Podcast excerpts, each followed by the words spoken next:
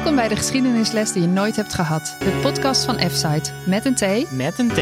Educatieplatform over vrouwen uit de geschiedenis. Ik ben Mark Bergsma. En ik ben Agnes Kremers. Wij zijn historici met een eigen bedrijf van gisteren. We kijken met een andere blik naar het verleden en zijn altijd op zoek naar de verborgen, vergeten of minder gehoorde verhalen. In deze aflevering gaan we het hebben over Corrie Tendelo, geboren in 1897. Ze was een advocate en opende in 1927 haar eigen praktijk. Na de oorlog zat ze ook in de Tweede Kamer voor de PvdA. Hier streed ze in de jaren 40 en 50 voor revolutionaire wetgeving voor vrouwen, waaronder de motie Tendelo uit 1955 wat inhield dat vrouwelijke ambtenaren na een huwelijk niet meer werden ontslagen. En Alice Pechtel en Madeleine van der Nieuwenhuizen zijn hier om meer te vertellen over Corrie Tendelo. Lies Pechtel is journalist en historicus. Ze schrijft portretten, interviews, reportages en literaire non-fictie. In 2019 verscheen Zij in de Geschiedenis, een publicatie die laat zien dat vrouwen ten onrechte uit de geschiedenis zijn weggeschreven. Madeleine van der Nieuwenhuizen is beheerder van het mediakritische Instagram-account Zijkschrift. Ze studeerde politieke geschiedenis en constitutioneel recht en is momenteel PhD-kandidaat aan de City University of New York. Ze laat van zich horen in opiniestukken en schrijft columns voor Vogue over feminisme en ongelijkheid. Welkom allebei. Alice, jij hebt een, dit ligt hier ook op tafel, een boek geschreven, Buitengewone vrouwen in de voetsporen van Alette Jacobs. En daar gaat een heel hoofdstuk over uh, Corrie Tendelo. Klopt. Um, had jij voor die publicatie al eens uh, over haar gehoord? Hoe, hoe, hoe ken jij haar? Nou, ik ken haar omdat ik een. Ik schrijf ook voor het Historisch Nieuwsblad onder andere. En daarin heb ik een uh, verhaal gemaakt ooit over de uh, afschaffing van de Hollandse onbekwaamheid. En toen ben ik op haar naam gestuurd als een van de ja, politieke voorvechters om dat uh, te bewerkstelligen. En toen kwam haar naam voorbij. En daarna, ik heb een, dat, dit boek Buitengewone Vrouwen is een uh, opdracht gemaakt van de Vereniging van Academische Vrouwen. Die stond 100 jaar. En zij is onder andere lid geweest van de Vereniging van Academische Vrouwen, ook bestuurslid. En daarom heb ik haar geportretteerd als een van de boegbeelden van, uh, van die vereniging, maar ook als een boegbeeld van, het, van de strijd voor de vrouwen. had je nog iets van wat gek dat ik, dat ik nog nooit van haar gehoord Want had? Daarvoor had je echt helemaal nog nooit van haar gehoord. Ook nee, nee, in de wandelgangen nee, nee, of ergens. Maar ik heb heel, heel veel vrouwen nog nooit gehoord. Ik sterker nog, ik, ik schrijf, ik schrijf mijn ja. inleiding van mijn, laatste boekje schrijf ik dat ik gewoon, ik, ik ben in de jaren eh, tachtig heb ik gestudeerd, begin, ben ik gaan beginnen te studeren. En ik dacht dat de emancipatie afgerond was. Ik eh, zaten volgens mij Ja. evenveel meisjes als jongens studeerden er. Eh, en ik, maar ik had helemaal niet in de gaten dat alle boeken over, door de mannen waren geschreven. Ik had ook niet in de gaten dat hoogleraren man, man, man waren. Dus ik, dat heb ik pas heel laat Ja. ontdekt. Corrie En, Tendelo eh, kwam toen niet voorbij in de jaren Nee, tachtig. Corrie Tendelo nog nooit Nee. van gehoord. En het, in, in, in, in mijn studieboeken ook niet. En ook he- heel veel van deze vrouwen die ik beschrijf. Marie-Anne Tellegen en Hilde Verwij Jonker. d- Nooit van gehoord. Nee, Nee, precies. nee. Hey, en eh Madeleine, Ja. jij eh, startte een petitie voor een standbeeld van eh Corrie Tendelo. Ja. Ehm, in de, op je stories op Instagram noemde je haar ook wel Tante Corrie. Ja, heel leuk. ja.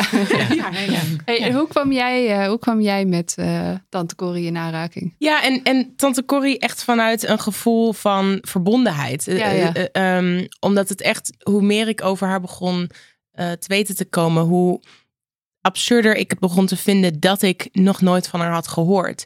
En hoe meer ik ging inzien hoe cruciaal ze is geweest, indirect ook in de totstandkoming van mijn eigen onafhankelijkheid.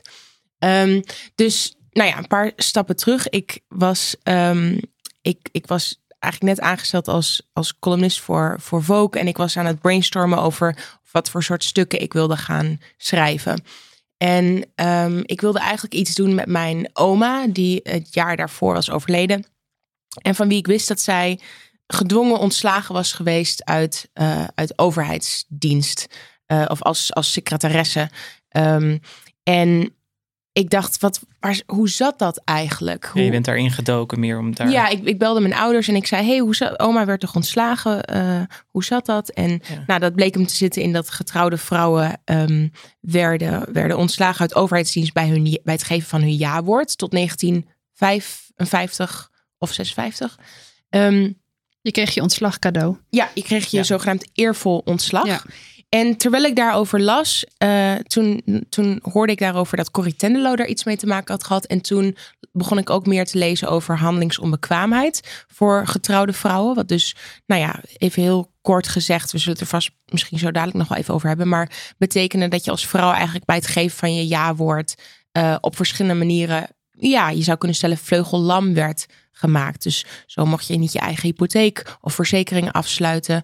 Moest je, als je loon verdiende, bijvoorbeeld in een winkel, um, formeel gezien je loon afdragen aan je man. En zo waren er een hele, er zijn een paar voorbeelden van vrouwen, ja, anekdotes van vrouwen die een handtekening nodig hadden van hun man of vader voor het ondergaan van een operatie. Um, en toen stuitte dat ik op. kwam je allemaal tegen in die ja, in die dus, trigger van ja, voor Dus wat eigenlijk begon met een, met een soort zoektocht naar hoe zat het met mijn oma, realiseerde ik me, jeetje, dit heeft voor alle getrouwde vrouwen in Nederland gegolden. Tot, tot gewoon voorbij de, eerste, voorbij de helft van de 20e eeuw. Heel kort geleden natuurlijk. Dat is echt heel erg kort geleden. Want mijn oma uh, kreeg dan huishoudgeld van mijn opa. En mijn oma, mijn oma heb ik ook altijd gekend als iemand die ja, weet je, als kind heb je daar niet echt woorden voor. Maar ik had altijd wel door dat er een, dat er een machtshierarchie was binnen dat stel. Van iemand die de beslissingen maakte en iemand, nou ja, die de kerstkaarten schreef. Ja. ja. en en zo zat het een beetje bij mijn opa en oma. En nou ja, wat ik er interessant aan vond, want ik kwam toen. Heb dus je ook met, hen erover, met haar erover gepraat? Of dat nee, want nee. Zij, was toen dus inmiddels ja, zij was overleden. toen overleden, maar ik dacht misschien eerder. Met mijn of, ouders heb ik er, heb ik er toen wel. lang over gepraat. Ja, en Um, ik vind het heel erg leuk om nu ook naast uh, Alice te zitten. Want ik heb toen met, met jou contact opgezocht. Want um, jij was een van de weinigen van wie ik kon vinden. Ik kwam dus op jou, ik stuitte op jouw artikel op het, van het historisch uh, nieuwsblad ja. online. Dat was een van de weinige, zo niet de Wij enige. brengen ook mensen samen. Dat vind ik ook mooi. ja. Nou, ik moet eerlijk zeggen, want het is best wel wat jij, wat jij, wat jij schetst, herken ik ook wel. Want ik en Corrie Tenderlo kende ik niet, maar ik heb, uiteindelijk heb ik een boek ook geschreven over Nelly Kroes. En ik ging ervan uit, want zij had economie gestudeerd in de jaren 50. En ik ging ervan uit dat zij een vergelijkbare ontwikkeling had doorgemaakt als ik. En toen bleek ineens dat al die vrouwen die studeerden in haar tijd. En ja, gewoon uiteindelijk studeerden en met soort FOP-studies deden. Want uiteindelijk gingen ze niet aan het werk. Ze gingen trouwen en dan gingen ze zorgen voor die kinderen. Dus, en mijn moeder was ook een van die personen die dat heeft gedaan. Ze dacht van, hé, maar niemand heeft ooit gezegd dat die vrouwen gewoon studeerden als tijdsverdrijf en daarna helemaal niet geacht werden om te gaan werken of carrière. En mhm. dat vond ik ook een heel erg eye-opener. En dat was al, dat was ja, de generatie van mijn moeder.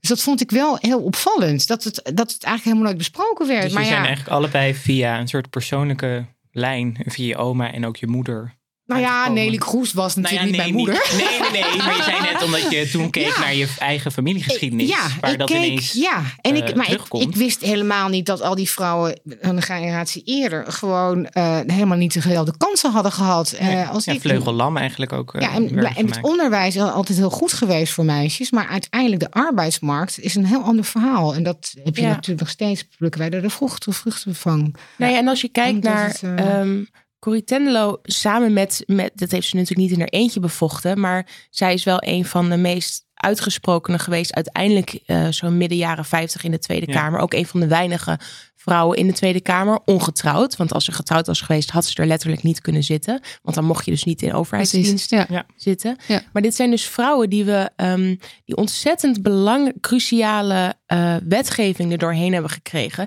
Die we niet inderdaad, wat Alice al zei, in de boeken terugzien. Of tot heel recent terugzagen. Dus je moet daar zelf heel erg onderzoek dus naar gaan doen. Ja, ja het voelde echt vreemd als een soort van, alsof ik een beetje uh, in een soort rivier naar goudklompjes op zoek was. Uh, het voelde super random. Dat ik, ik dacht, hoe kan het nou dat iemand die. Hoe kan het nou dat zij onvindbaar is? Hoe kan het nou dat hier zo weinig over, over bekend is? En toen wilde je eigenlijk meteen een standbeeld al. ja, nou, Was dat een dag later? Het ging vrij snel. Weet je wel, zoals je soms een beetje op YouTube of zo, of op het internet in het algemeen, een soort rabbit hole kan vallen. Dat je, dat je denkt, oh, mind is blown, I'm ja, onto ja, something. En ik zat hier zo twee dagen super veel over te lezen. En ik dacht in één keer, dit is volgens mij echt heel absurd dat we haar niet kennen. Het is ook wel een beetje en ons dat, werk eigenlijk. Ja, dit is ons werk doen, inderdaad. Ja, dat wij de hele tijd zo, hè? Want wij weten natuurlijk ook niet alles van de geschiedenis. Ja. Dus als wij dan weer bepaalde nou, wat verhalen ik leuk vind, dat jij dat gewoon op hebt gepikt. Ik, bedoel, ik, ik zit ook in verbijstering te, te schrijven en te lezen. Maar jij zet het meteen om in daden. Dat is misschien wel een soort uh, ja. gevolg van ja, die generatie. Dat zeg ik net. Van, ik vind het wel... ik voel me wel een beetje een soort bejaarde. Want ik zit alleen maar te schrijven en dat is het dan, weet je. Het is heel erg leuk om dat gewoon ja, in de praktijk om te zetten tot iets, tot iets tastbaars en iets vruchtbaars. En ja, gewoon iets zichtbaars. Dus dat Ja. vind ik heel leuk. Ja, een soort activisme, nieuw activisme. Want even over deze daad ook nog. Hoeveel, eh, hoeveel is het ondertekend? De... Nou, ik heb, toen, ehm, ik heb toen een column eraan gewijd in de Vogue. En die zou dan een maand later ongeveer gepubliceerd worden. En ik dacht, ik moet hier echt strategisch mee omgaan. Dus ik ben toen een stuk of 20, 30 bekende of, of zeg maar om verschillende redenen bekende Nederlanders. Dat konden eh, academici zijn, schrijvers zijn, acteurs, eh, oude garde feministen zijn. Ja, want je had Hedy Dancona ook. Ja, Edith Ancona bijvoorbeeld. Ja, echt, echt. En instituties erbij gaan zoeken. Dus ik heb eh, bladen aangeschreven die natuurlijk mij wel een beetje serieus namen, omdat ik ze normaal altijd bekritiseerde. Weer. Ja. dus, ik, dus ik zei van, luister, hier is een goed initiatief. Wink, wink. Ehm, nou ja, en, en, en een aantal vrouwenorganisaties. En ik heb een aantal politieke partijen erachter gekregen. Zodat ik dacht, als ik die petitie voor een standbeeld voor haar lanceer, Ja. dan zit er al wat kracht achter. Ja. En toen heb ik eigenlijk binnen twee maanden ongeveer 14.000 handtekeningen. En nou ja, zeg maar 20 ins- instanties en 20 eh, Nederlanders erachter gekregen. Ehm, en mijn eerste, wat heel veel mensen tegen me zeiden was: Oké, dit moet je nu zo snel mogelijk gaan, gaan aanbieden. Ofwel bij gemeente Den Haag, waar zij vandaan, of waar, zij, waar de Tweede Kamer was, Mhm. ofwel in Amsterdam, waar zij vandaan komt. Ja, of waar, waar zij woonde aan het einde eh, van haar waar- leven, Waar ja. ze wonen aan het eind van haar leven. Ja. En waar ze ook in. Wassenaar aan het einde van haar leven. Oh ja, in ja. haar Oh van haar leven in Amsterdam. Ja, en ze heeft op het de- ja. Ja, oh ja, precies. En ze heeft ook in de gemeenteraad van, van Amsterdam Klopt. gezeten. Ja. En ik dacht van, oké, wil ik nou inderdaad zo snel mogelijk die car voortrekken en huppakee die petitie aanbieden? En dat heb ik uiteindelijk niet gedaan. Voor een deel omdat ik naar New York terug moest voor mijn studie. Dus Ja, heel Eh, praktisch. Ja. heel- een hele praktische reden. Maar ook dat ik dacht, ja, ik kan hem nu wel meteen aanbieden. Maar ik kan ook proberen. Kijk, het feit dat wij bijvoorbeeld vandaag die, deze podcast opnemen. Mhm. Ehm, dat staat denk ik in lijn van dat we een jaar hebben gezien met meerdere initiatieven rondom Corrie Tenderlo. Dus mijn idee uiteindelijk werd heel erg, moet er geen haast bij voelen. Want dit gaat niet zozeer om het standbeeld. Het gaat om verspreiding van het verhaal. Ja. Ja. En dat uiteindelijk is een standbeeld leuk. Maar herhaaldelijk dat verhaal daarover kunnen vertellen is eigenlijk veel belangrijker. Ja. Het gaat om de erkenning. Zodat het blijft eigenlijk. hangen ook. Ja. En dat Ja. je niet Maar dat ja, het... het is ook wat Ja. anticyclisch, want heel veel standbeelden worden gewoon van een sokkel gerukt. Hè, met al die eh, koloniale Ja. heren. Ja, En dat trouwens- zou natuurlijk wel... Ik zal, ik zal nog, ik, ik, ik, wat ook meespeelde. Inmiddels is er dus een andere burgemeester in Den Haag. Of nu een interim, want de vorige is ja, weg. ja, ja, ja. Toen- zij zat daar nog toen ik hiermee begon. Ja. Ja. En ik was, ik, ik was een beetje aan het, aan het lobbyen daar. en ik kreeg op een gegeven moment de woordvoerder van haar te, te spreken. En ze zei, nou, wat een, wat een goed initiatief. Nou, wat leuk, bla, bla, bla, bla. Wat belangrijk. Toen na tien minuten lullen zegt ze... Ja, god, ja, we hebben natuurlijk ook al wel een standbeeld van Aletta, hè? Die komt er nog, hè? die Toch? komt ja, die er. staat er Ja. nog niet. Ja. Zo van, maar die, we, we hebben, we hebben er we al hebben er een. al één. Ja. Dat was Ja. heel veel moeite. We hebben al een vrouw. we Ja. al binnen. Ja, we hebben Ja. de vrouwen al, toch? Ja. We, hebben, we hebben de vrouwenzaak al. Ja. Toen Ja. dacht ik echt, wauw, heel interessant. Zo, Ja. zo heet het, eh, die biografie ook van Hilde Verwij Jonker. Er, moet nog een vrouw bij. Ja. En koningin Juliana zei altijd... Oh, en daar hebben we de verplichte vrouw, de Ja. excuustrust. Dus Ja, iedereen, weet je wel, die vrouwen... Het is een bekend fenomeen. Ja. Dat als je gewoon al een vrouw hebt, dan is het, ben je gedekt. Dan Ja. is het Ja. gewoon genoeg. Ja.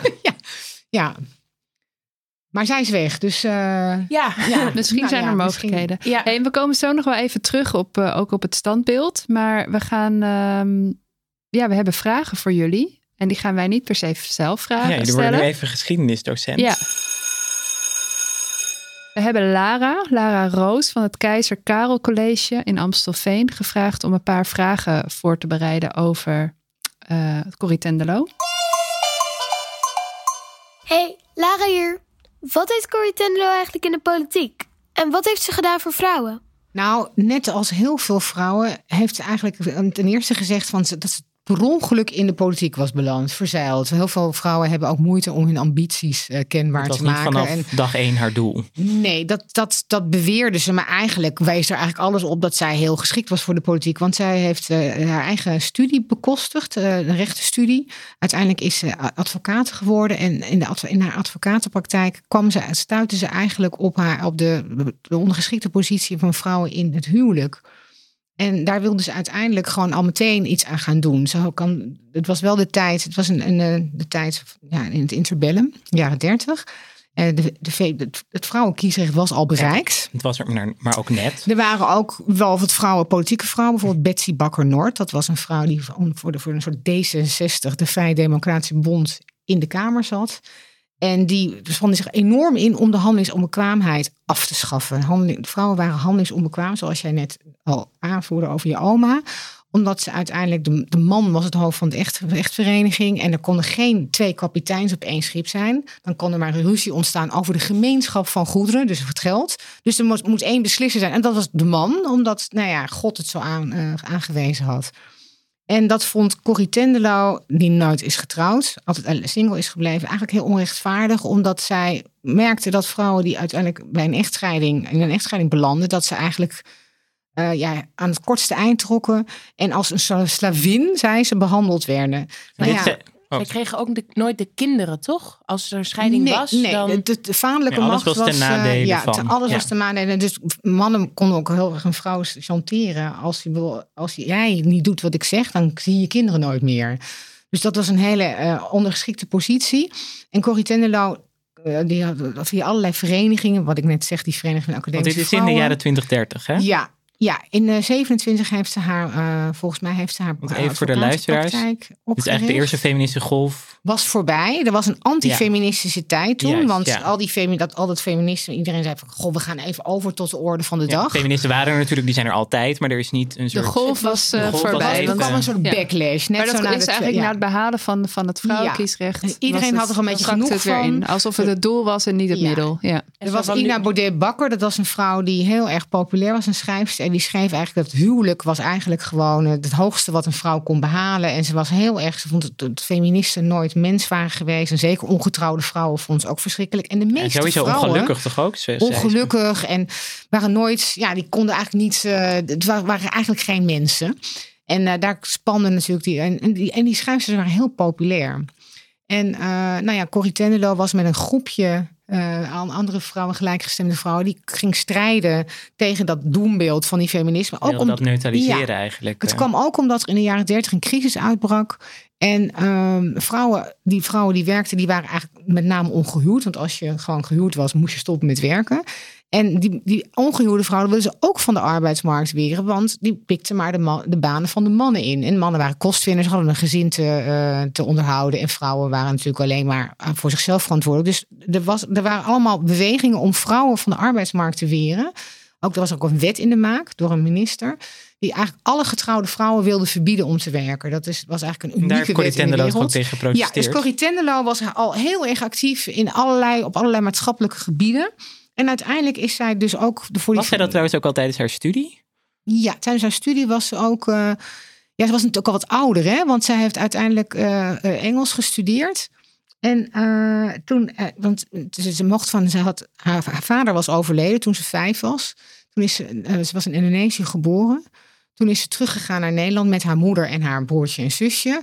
En ze kwam onder uh, het voogdijschap van een oom. Die oom was ontzettend uh, conservatief. Oh en ja, die wilde eigenlijk. Zien. Ja, is er die, altijd weer zo'n conservatieve oom. en die, oom die, uh, die gunde haar niet een, een, studie en zo. En ze, ze, mocht wel naar het gymnasium, naar heel veel gedoe. En uiteindelijk mocht ze een MO, een, een akte Engels halen. Dat was wel, het onderwijs was wel gepast voor vrouwen, omdat ze met kinderen zouden werken. En, nee, nou dat waren ook de beroepen volgens mij. Waar precies. Nou ja, maar zij wilde, ze had meer ambitie. Dus ze heeft uiteindelijk toch zelf via haar onderwijsbaan een, uh, een rechtenstudie bekostigd. En uh, nou, heb je vraag nu vergeten? Uh, ja, of ze tijdens haar studie ook al, ik bedoel, in de jaren ja, 20, 30. En toen was ze al wat ouder. En toen had ze bij de studentenvereniging, ging zij ook gewoon een verhaal houden. En al die, al die studenten, die vonden het allemaal een beetje gezuur. Zo van, je moet eigenlijk maatschappelijk actief zijn. Dus ze was een beetje een, een zoals je dat zou moeten noemen, een blauwkous. Heel serieus. En die Roaring Twenties. hoofdstuk ook inderdaad van ja, dat, dat iedereen zo... meisjes, weet je wel. Met van die korte paardje met een, weet je wel, rokend. Met die lange sigarettenpijpjes. En daar was zij absoluut niet van. Zij was heel serieus en heel... Ook omdat ze zelf zoveel tegenstand had ondervonden van die oom. En uh, haar moeder was ook niet heel erg rijk. Dus zij kon zich niet echt in het studentenleven permitteren. Nee. Want de meeste mensen die toen studeerden waren wel kapitaalkrachtig. Er waren geen mensen uit de arbeidersklasse die dat Nee, dat zou pas na de oorlog echt. eh, Ja, daarom. Dus dat, zij, zij, zij voelde zich eigenlijk gewoon tussen twee werelden gevangen. En zij is altijd heel serieus en politiek geëngageerd geweest. Ja. En daar komt dus dat activisme dan ook weer. Ja, en zij kwam dus allemaal bij al die verenigingen. De, kwam ze al die vrouwen tegen die haar inspireerden om, de, om eh, lid te worden van een politieke partij. De, de partij van Aletta Jacobs, de D66 van toen, bij wijze van spreken. en eh, toen is ze uiteindelijk gewoon gevraagd om in de gemeenteraad eh, in Amsterdam plaats te nemen. Nou, dat zei je al. En Ja. daar zet ze haar activistische agenda eigenlijk door. Of, eh, Ja, maar ik weet niet zoveel over. Dat heb ik niet Ze heeft er gevonden. ook drie jaar volgens mij maar tot Ja. 41 zat ze erin, als ik het goed heb. Wat eh. ik wel, wat ik wel, wel herinner is dat zij uiteindelijk, eh, ze werd altijd als een coole vrouw beschreven, een beetje afstandelijk. En ze was ook een beetje ongenaakbaar. Op die foto's zie je ook een beetje, ze, was een, ze had een soort Indisch uiterlijk. Daar mocht niet over gesproken worden, want die moeder, de- Indische mensen waren gewoon van kleur. En dat was minder eh, voornaam dan eh, witte mensen. Dus dat, ja, blijkbaar had de hele familie woonde al heel lang in Indonesië.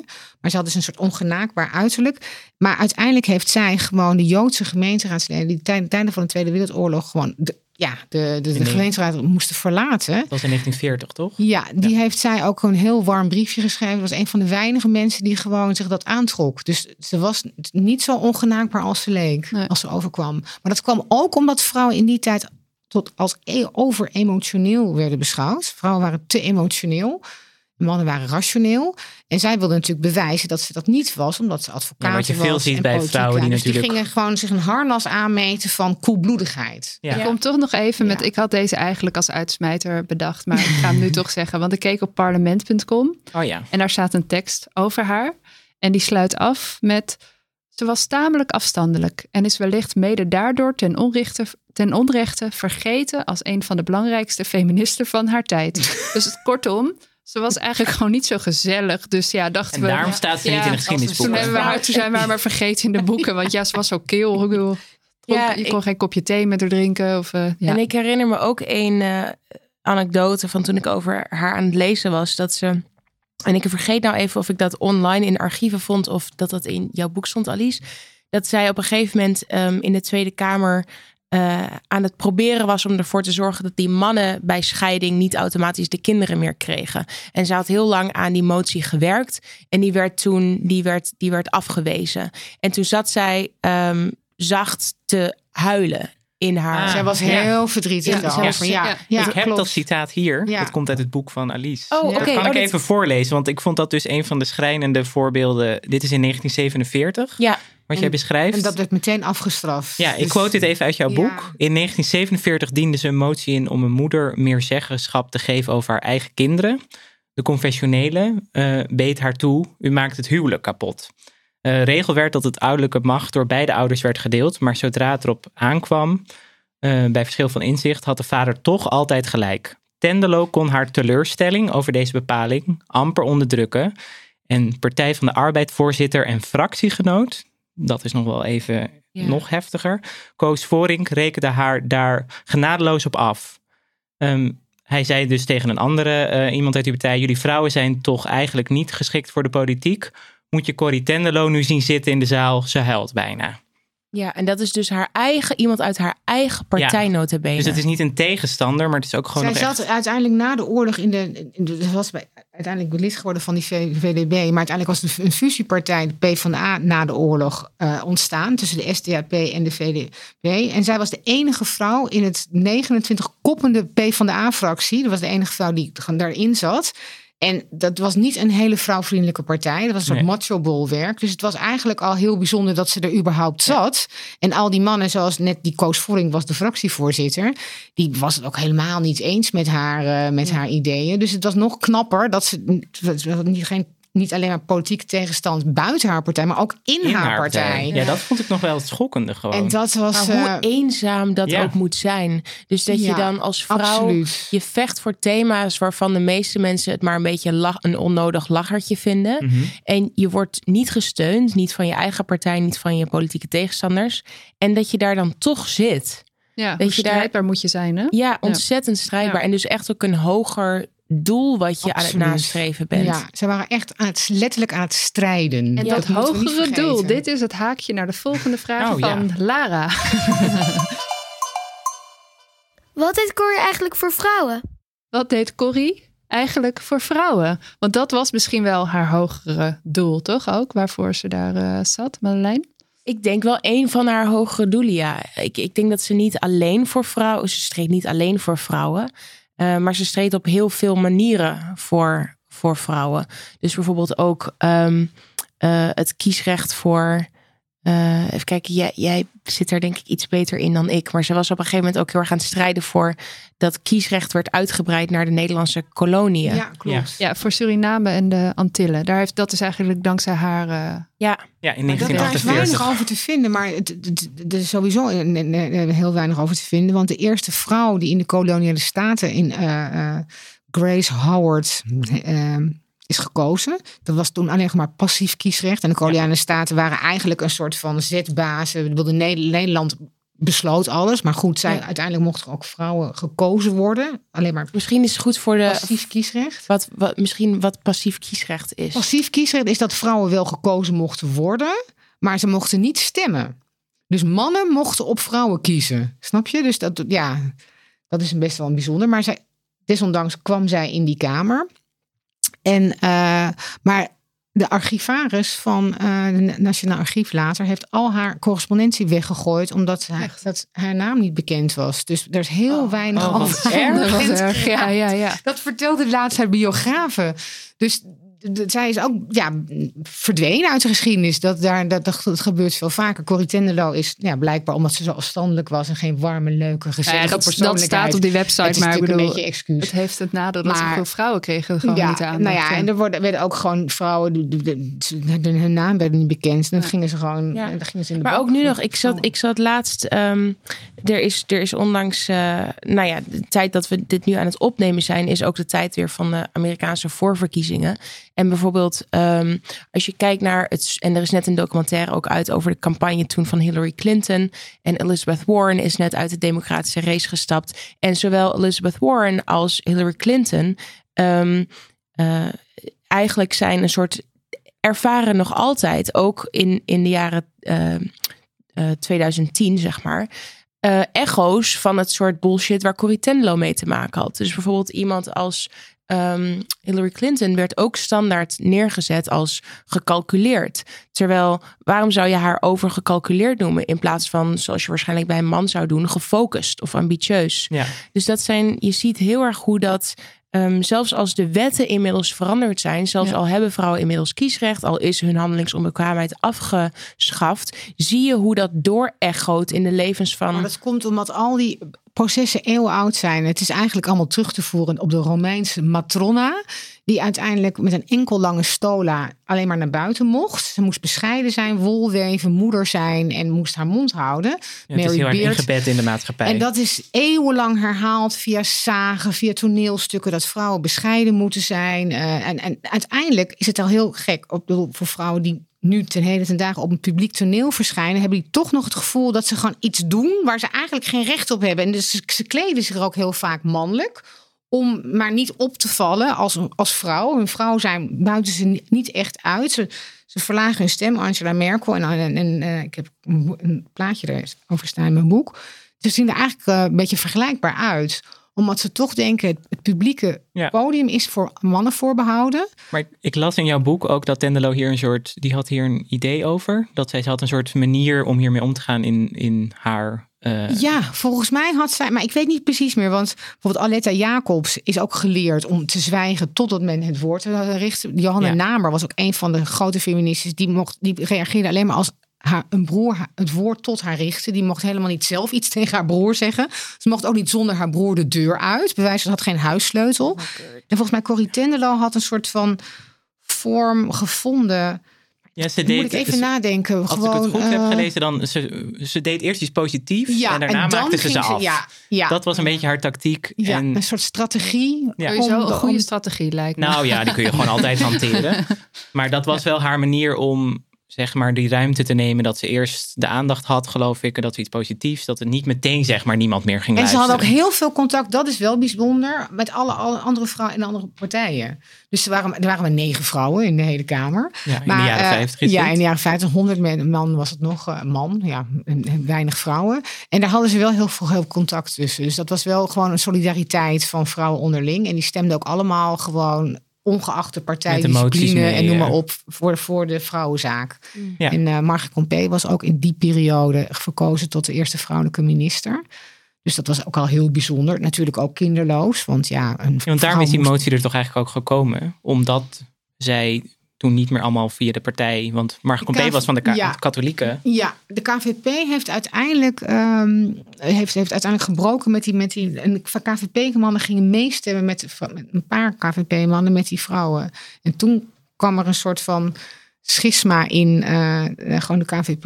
En daarom is uiteindelijk de handelsonbekwaamheid ook afgeschaft. Omdat er toen een Kamermeerderheid voor was. Maar de K, toen een paar KVP'ers. Een nipte meerderheid Ja, ook, heel nipt. Ja, Ja. En volgens mij, eh, er heeft geloof ik nog tot 1970 70. eh, ge- was de, werd de man officieel, en dat had geen, eh, geen hele concrete gevolgen meer, maar officieel was de man nog het hoofd van de, Echt vereniging. van de echtvereniging. Ja, dat Dus symbolisch ja, alsnog Ja. eh, Ja. superieur. Dus de weerstand was heel groot. Dus even voor, voor het op een rij. In 1955 heb je de motie Tendelo. En dat gaat over de vrouwelijke ambtenaren, toch? Daarna gaat het over, eh, want volgens mij wordt dat nog wel eens door elkaar gehaald, toch? Over Ja. de handelingsonbekwaamheid. Ja, dat zijn twee verschillende. Ja, dat zijn twee verschillende dingen.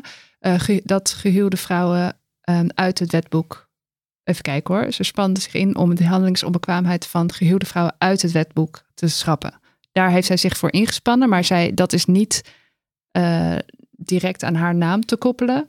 Nee, want Hilde Verwij Jonker, die Ja. zat in de Eerste Kamer. En die heeft ook heel, want als zo'n wetswijziging uiteindelijk tot stand komt. Ja. het- Zij moest ook die mannen in de Eerste Kamer, er zaten natuurlijk ook alleen maar mannen. Ja. dat, dat waren nog conservatievere mannen, want ouder. En die heeft zij ook echt om moeten praten om te zeggen van ja, het is toch best wel gek als een vrouw, weet ik veel wat, en een, een, een huis erft. Dan kan ze niet eens zelf beslissen om, het- om het te verkopen. Nou, dat vonden die mannen ook wel een beetje gek. Dus uiteindelijk moesten Ja, al die vrouwen samen lobbyen. Nou ja, jij moet lobbyen voor een standbeeld, maar Zij moest lobbyen voor deze wetgeving. ja. Ja. dat was wel een, een gezamenlijke inspanning. Maar Corrie Tenderlo was daar echt een leading in. En eh, nou ja, goed, het is. eh, En dan is het uiteindelijk is het eh, Julius van. Oven, toch? Die, eh, maar dat is, zij was dus ontevreden over zijn uh, over Kun je die iets over dit wetgeving, proces toch? vertellen? Ja. Want juist omdat daar denk ik, die twee worden altijd door elkaar gehaald. Nou, Corrie Tenderlo kwam uit dezelfde partij, die liberale partij, als die minister van Oven. Minister van Oven had ook al, was ook, er waren ook mannelijke feministen die ook vonden dat eigenlijk het Hoera. huwelijk. Ja, ja en dat, was, dat was toen ook al zeker zo.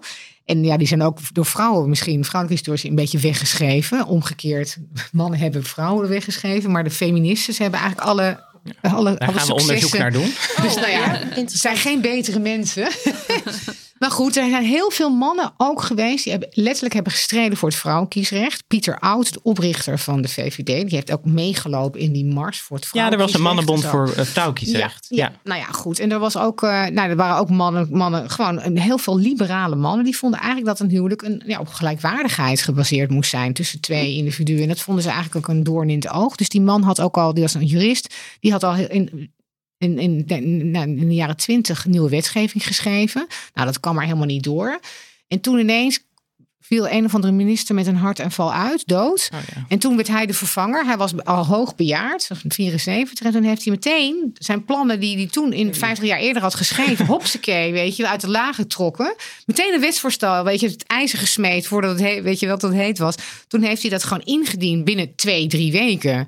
Ja. En uh, toen uiteindelijk heeft hij, maar hij, hij was natuurlijk, hij was een diplomaat. toeval ook in de zin. Hij was natuurlijk een diplomaat. Hij wist natuurlijk dat die confusionelen daar heel erg tegenstand zijn gehad. En toen had hij gewoon die knieval gemaakt. Om en dat we noemen nog maar eens even die knieval. Wat is het dus dan? De knieval is dat er de, de zin in de wet bleef staan dat de man de hoofd van de echtvereniging ja, is. Dat had ja. geen juridische betekenis nee. meer, maar het bleef er wel in staan. En, en daar, was Corrie Tendelo daar duivels over. Ja. Maar eigenlijk, want zij was natuurlijk meer activistisch aangelegd dan deze van Oven. En van Oven was pragmaticus meer, denk ik. En hij dacht, ja, als de wet de hondingsonbekwaamheid Ja. al afgeschaft is, dan hebben we al heel veel bereikt. Ja. Ja, en het interessante is dus ook dat ehm, die wetgeving was op een gegeven moment afgeschaft. Dat wil zeggen van zowel dat vrouwen gedwongen ontslagen werden als ze in overheidsdienst waren en trouwden, als dat ze handelingsonbekwaam eh, werden wanneer ze trouwen. Maar je ziet hoe in de decennia daarna dat nog heeft doorgewerkt Ja. sociaal gezien in de vorm dat tot op de dag van vandaag nog heel vaak ehm, ja, als eigenlijk standaard mal klaar ligt. Dat wanneer een eh, heteroseksueel stel een kind krijgt, dat het de vrouw is die minder gaat werken dan de man. Dus sociaal gezien ligt de zorgtaak nog disproportioneel op het bordje van de vrouw, ook vandaag nog. Ja, En dat mijn punt met dat standbeeld onder andere was dat soort dingen, bijvoorbeeld discussies maatschappelijk over waarom is het dat zoveel vrouwen eh, parttime werken in Nederland? Waarom is het dat voor, vorige week kwam er onderzoek uit dat op dit moment, vandaag de dag 2020, is nog eh 60 à 65 procent van de vrouwen economisch niet zelfstandig. Ehm, dat kun je niet loszien van zo'n geschiedenis waarin vrouwen stelselmatig gekortwiekt werden. Ja, ja. Dat En dan zie je ook hoe kort het geleden is. Hè? Want dat denk ik altijd van als je over een paar honderd jaar deze geschiedenis beschreven wordt, is dit, echt, zij- is het eigenlijk gisteren gebeurd. Dus ik bedoel, dan zie je ook nou, maar dat het heel kort is. Ja. En dat het heel lang duurt voordat het uiteindelijk echt verandert. Maar je ziet ook dat zijn. wetgeving daar heel erg bepalend voor is. Want ik heb, het vergelijk me tot Zweden. Zweden heeft gewoon een heel gro- groot beetje moederschapsverlof, een jaar lang. En, maar vrouwen worden in Zweden als individuen aangeslagen voor de belasting. In Nederland heb je een dat, dat, fiscaal partners aan elkaar geklonken.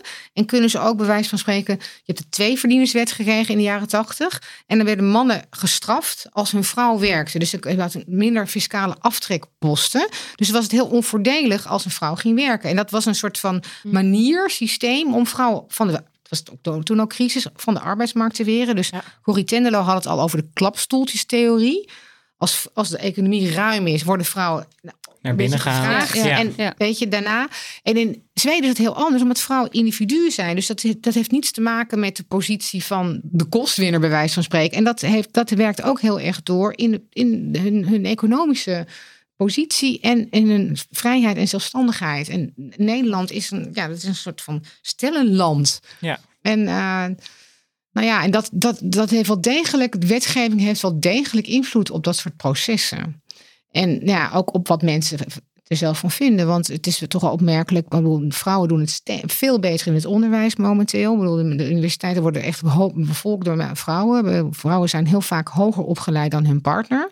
Maar desondanks Totdat de gaan baby minder, wordt. minder werken. Ze verdienen Ja, minder al geld. daarvoor. Gewoon al, al, ja. al minder am- gewoon ambitieus op andere manieren dan En een ze man. vinden, dat niet, ze vinden dat allemaal niet vervelend. Want het anderhalf verdienmodel is nog steeds dominant. En het is, dat is to- volgens tevredenheid van naar heel veel stellen. Het is niet zo dat vrouwen daar ook zelf heel ontevreden over Maar dit, zijn. volgens mij is het altijd lastig om te bepalen wat, wat rolpatronen zijn. Ik bedoel, waar, bedoel, het kan zijn natuurlijk, dat je natuurlijk ook tevreden bent, omdat je denkt dat dit daadwerkelijk iets is wat je moet doen, wat Ja, hoort. Dus zeker, dat is lastig zeker. om. Kijk, mijn, mijn mening daarover is altijd: als vrouwen zelf parttime willen werken, dan is dat hun goed recht. Ja. Ehm, en dat ervaren zij vaak ook heel erg als gewoon vrije keuze. En ik wil ook niet zeggen dat het geen vrije keuze is, maar ik denk dat je, als je kijkt naar de geschiedenis, niet kan ontkennen dat het. ehm, dat er, dat er meer in meespeelt dan enkel vrije keuze. Het zijn En- heel diep gewortelde cultuurpatronen. Ja. die, Die ook per land verschillen, ook wat jij Dus net aantoont. Doen ze dat echt uit vrije wil? Ik bedoel, net zoals vrouwen bij wijze van spreken zich een boerka bedekken, doen ze dat uit vrije wil. Of omdat het misschien, weet je, het, het, het gevoel hebben dat ze daarmee, weet je wel, gewoon voldoen aan een, aan een, Een verwachting. historische en aan lijn. de Ja. historische lijn. Dus dat Ja. is heel moeilijk om dat te onderscheiden Ja. van elkaar. Nou, en op dezelfde manier zie je bijvoorbeeld dat, ehm, kijk, historisch gezien was er bijna geen ouderschapsverlof beschikbaar voor vaders. Dat is al een beetje aan het veranderen. Vanaf 2020 staat er geloof ik standaard zes weken officieel voor. Ik geloof dat Unilever het onlangs nog wat, wat hoger eh, gaf aan mannen. Maar dan is er nog een verschil tussen wat voor ouderschapsverlof is er beschikbaar voor vaders en wat nemen ze op. Ja. En Ja. dat is dus een verschil tussen dat wat er mogelijk is en dat wat er sociaal geaccepteerd is. Ja, Zeker, wordt het niet Ja. accepteerd. Want ik heb laatst had ik een lezing met bankiers. En zij vertelt allemaal dat ze het best wel willen. Maar als je gewoon dat heel dat, dat, dat zwangerschapsverlof of het ouderschapsverlof opneemt, zet je eigenlijk gewoon je uh, carrière on hold. Omdat je daarmee aangeeft dat je niet betrokken genoeg bent. En niet gewoon genoeg inzet en ambitie toont op de werkvloer. Dus voor mannen is het heel moeilijk ook om dat te doorbreken omdat zij toch het gevoel hebben dat het niet gewaardeerd wordt. Door een werkgever. Ja, dus De, de regel is er wel. Maar als je dat doet, dan word je toch een beetje als een watje gezien en ben je niet gewoon gecommitteerd genoeg aan je werk. Dus voltijd, een voltijdsbaan. En als je carrière wil maken, bijvoorbeeld in een bankwereld, wordt het nog niet geaccepteerd. Wel, die regels zijn er wel. Ja. Dus de wetgeving is, er eigenlijk gekomen, maar die maatschappelijke omslag is, heel, is nog heel ver te zoeken. Traag. Dat of traag, heel inderdaad. Traag. Want er is nog iets waar Corrie Tenderlo zich hard voor maakte. Dat was namelijk gelijke beloning voor mannen en vrouwen. Nou, dat lijkt ook nog een topic van vandaag de dag. Ja. Want zij heeft volgens mij haar moties wel aangenomen. Maar die is nooit uitgevoerd. Uh, nee, is nooit uitgevoerd. in 1975 heeft, heeft onder druk van, de, van Europa ja, hebben, hebben Nederland hebben dus die gelijke beloning ingevoerd. Omdat er heel veel weerstand uh, toen al tegen was. En maar dan is het heel slim dat er eigenlijk met je standbeeld een soort met campagne meekomt om eigenlijk die bewustwording. Ja, heel erg het gaat, nou ja, het gaat, het gaat veel meer over wat er op zo'n sokkel staat. Het gaat over Um, het is een symbool voor welke verhalen we belangrijk genoeg vinden om op nationaal niveau aan elkaar te vertellen. Dat wil zeggen, welke verhalen we in kindergeschiedenisboeken uh, uh, uh, miepen. Welke, we, welke verhalen. Dat is wel een mooi bruggetje, denk ik, naar we de moeten laatste even, vraag. We moeten even naar Lara's Ja, vraag. ja. Want eh, dit, dit is Lara's vraag. Hoi, dit is Lara. Ik vroeg me eigenlijk af waarom we les moeten krijgen over Corrie Tenderlo. Nou, dat... dat Take it away, ja. Marjolein. Yes, yes. Ja, nou, hele goede vraag. Ik denk omdat, ehm, om een paar redenen.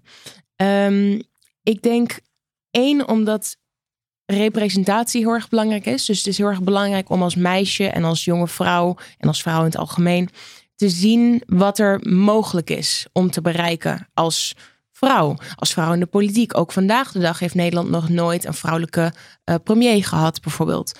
En ehm, ehm, heel veel onderzoek wijst uit dat dat wat je ziet, of dat nou is wat je in films voorbij ziet komen, of in series, of in, wie je terugziet in boeken, heel erg beïnvloedt waar jij jezelf durft te zien.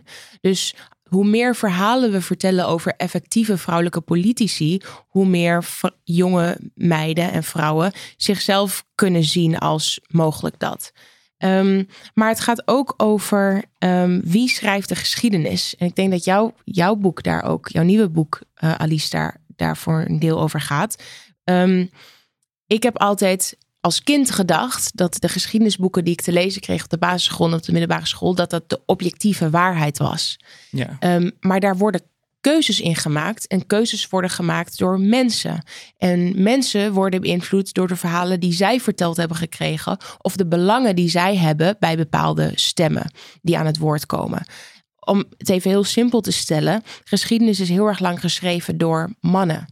Um, door mannen en door de winnaars. Dus als je bijvoorbeeld uh, het, als je kijkt naar een oorlog en iemand wint een oorlog, dan zijn het de winnaars van die oorlog die, de geschiedenis, die in de geschiedenisboeken het verhaal van die oorlog vertellen. Waarin zij waarschijnlijk er meer uit zullen komen als, als uh, heldhaftig Ja, en heroïs, als uh, ja. heroïs. Op dezelfde manier hebben Nederlandse geschiedenisboeken heel erg lang het verhaal van Nederlands uh, kolonialisme heel erg veel ja, mooier gemaakt dan het in werkelijkheid was.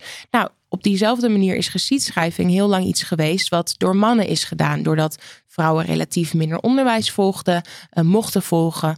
Um, en doordat, um, ja, doordat die, die boeken door mannen werden geschreven. En iemand als Corrie Tenderlo is dus volledig door de ja, de, de Mazen van het net. De mazen van het, van het net. Ook omdat gevallen. de geschiedschrijving baseerde zich voornamelijk op institutionele en staatskundige geschiedenis. Je Ja. kunt ook in het ja, Maar politiek Maar daar heel had zij dus nog, ik bedoel, ze heeft, heel vaak is het natuurlijk zo dat vrouwen een maatschappelijk andere maatschappelijke rol hebben Ja. gehad dan, Ja. dan eh, Ja. mannen. Vooral in de eeuwen daarvoor. Maar Corrie Tenderlo had er dus eigenlijk wel in gepast. Toch? Zeker. In Ja, zekere zin, maar- omdat zij wel een politieke functie eh, had. ja, in die dus zin. daar is Ja. iets anders aan de Ja. hand dan dat is een. Dat, het is een. ehm, de manier waarop we geschiedenis schrijven is bijna per definitie politiek.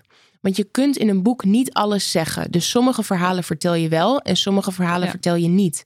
En daar zitten politieke keuzes eh, in. Dus de reden dat ik het zo belangrijk vind dat we over haar leren op scholen, is dus enerzijds een representatie-element, een aanmoediging. Weet je, ik bedoel, ik las over haar en ik dacht echt, wauw. Weet je, Ja. we grapten eerder al een beetje over het concept Tante Corrie. Maar dat is dus omdat, omdat het zo Ja. dierbaar en dichtbij voelt. Ik ben zo Je hebt dankbaar. toch ook haar neef ontmoet? Ja, Ja. ja. ik heb haar neef ontmoet, inderdaad. En die, nou ja, om nog even terug te komen op dat zij bekend staat als, als, als kille, militante tante. Ja, Ehm, zo is ze wel de geschiedenis hij, ingegaan. hij vertelde dus, hij was eh, een jaar of negen toen zij in de Tweede Kamer zat. En dat, zij was zijn lievelingstante, want zij nam hem altijd mee, hem en zijn broer, ehm, aan de hand eh, om de Tweede Kamer te laten zien en Den Haag te laten zien. En sprak altijd honderd uit, eh, gepassioneerd over de politiek. En ja, hij herinnert haar echt als een ontzettend warm en lief mens. En ja, dan, dan Maar dat is ook een manier voor mannen om vrouwen. Het gaat eh, niet alleen omdat mannen de geschiedenis schreven, maar ze schreven ook alle vrouwen die gewoon eigenzinnig waren. Of Ja, een, dat eh, paste als niet bij het beeld van vrouw. bitches en als afschuwwekkende. Dan, daarmee, hebben ze, daarmee hebben ze ook de geschiedenis geclaimd, maar ook vrouwen in, in keurslijf weer teruggedrukt. Want eigenlijk vrouwen die gewoon wel van zich lieten horen en weet je wel, gewoon wel werden gewoon als een soort van. Ze moesten zich ten eerste manifesteren op een toneel waar het eigenlijk niet te doen was. Dus ze moesten daar een soort van in een harnas. Ja, weet je, net als Corrie.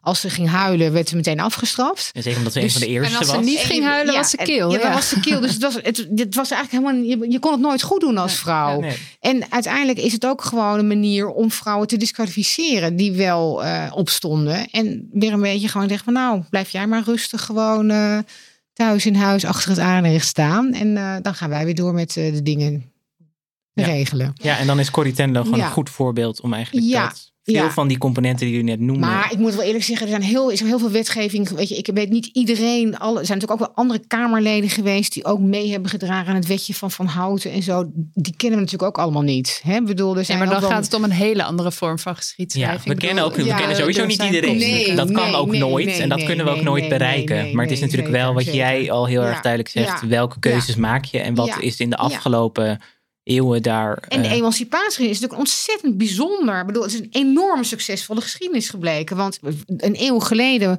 mochten vrouwen nog niet, weet je wel, gewoon naar de universiteit. Die mochten niet werken. Ik bedoel, bij de wetten, weet je wel, bij de wetten ge- voorgesteld om vrouwen, weet je, te verbieden om te werken. En nu zitten vrouwen gewoon in meerderheid op de universiteit. Ze hebben een achterstand om, omgeturnd tot een voorsprong. Dus dat is waanzinnig succesvol, laten we eerlijk zijn. Ik bedoel, het moet nog wel wat grond krijgen op de arbeidsmarkt. Maar ik vind het eigenlijk een hele succesvolle geschiedenis. Als je kijkt wat, waar vrouwen vandaan komen. We hebben een ongelooflijke achterstand eh, gehad. En dat hebben we echt omgezet in een voorsprong. Althans, nou, het hier in Nederland. deze positiviteit... Ja, dat is eh, toch wat, het Ja. werd, werd wat negatief en nu wordt het toch iets Ja. positiever. Nee, Ja. nou ja, jij zit hier ook op een standbeeld te pleiten. Nou ja, dat gaat natuurlijk gewoon gelukken. ja, Want jij bent een doorzetter ook. Jij kan het heel goed strategisch eh, regelen. Nou ja, al die standbeelden van die witte mannen worden omgehaald. En Wow, dit ging echt heel hard ineens. Nee, van de ene een kleur- positiviteit van een- naar... Nee, van een kleur, weet je, van een vrouw van kleur wordt opgericht. Nou, dat is natuurlijk heel, heel per- perfect. ja. Ja, ik Ik- vind dat eh, prima. ja, ik denk ook Ook dat. zij. Ja. met, met die mannelijke standbeelden. Ja, ik denk, ik denk dat er heel erg veel vooruitgang is geboekt. Tegelijkertijd denk ik dat er nog ontzettend veel te doen is. En dat het in zekere zin steeds lastiger wordt om precies aan te kunnen wijzen. Eigenlijk wat jij heel mooi aangaf over hoe, zo'n, ehm, hoe, zo'n, hoe dat fiscale recht werkt. Dat je dus niet meer expliciet in de wet terugziet dat het, ehm, dat het gebaseerd is op seksistische ideeën. Maar dat het in effect nog wel seksistisch is. Ja. En dat is dus het Die lastige. omslag, die Ja, maatschappelijke omslag. dat is dus het lastige. Ehm, als je ook gewoon eventjes kijkt naar ehm, waarom is het nou dat ook vandaag de dag nog zo weinig vrouwen in de politiek zitten? Waarom is het zo dat ze altijd weer uit de race vliegen in, in de VS, in de, in de verkiezingen? Waarom is het dat pas eh, deze maand voor het eerst een, een MeToo-rechtszaak eh, succesvol is afgesloten na ehm, eeuwenlange seksueel overschrijdend gedrag? Er is nog een hele lange weg te gaan, maar gelukkig zijn er mensen zoals Corrie Tenlo. Ja. We kunnen dat standbeeld eigenlijk gebruiken om ons aan al die vragen ook te herinneren. Dat Ja. het niet alleen staat voor haar geschiedenis, maar ook voor al deze dingen die nog moeten gebeuren. Ja.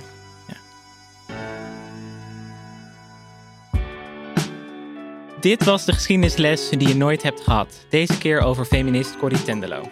Ja, Alice en Madeleine, heel erg bedankt voor het delen van al jullie kennis.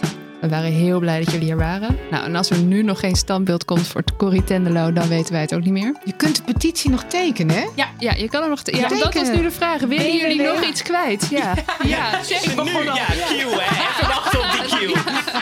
begonnen met de Willen jullie www. iets kwijt? Hit it. www.standbeeldvoorcorritendelow.petities.nl Iedereen moet daarheen. Eh, wederom dank aan onze producer Daniel van de Poppen en dank aan Lucas de Gier voor de muziek. Dit was het. Wij duiken weer de geschiedenis in. Tot de volgende aflevering van De, geschiedenisles die je nooit hebt gehad.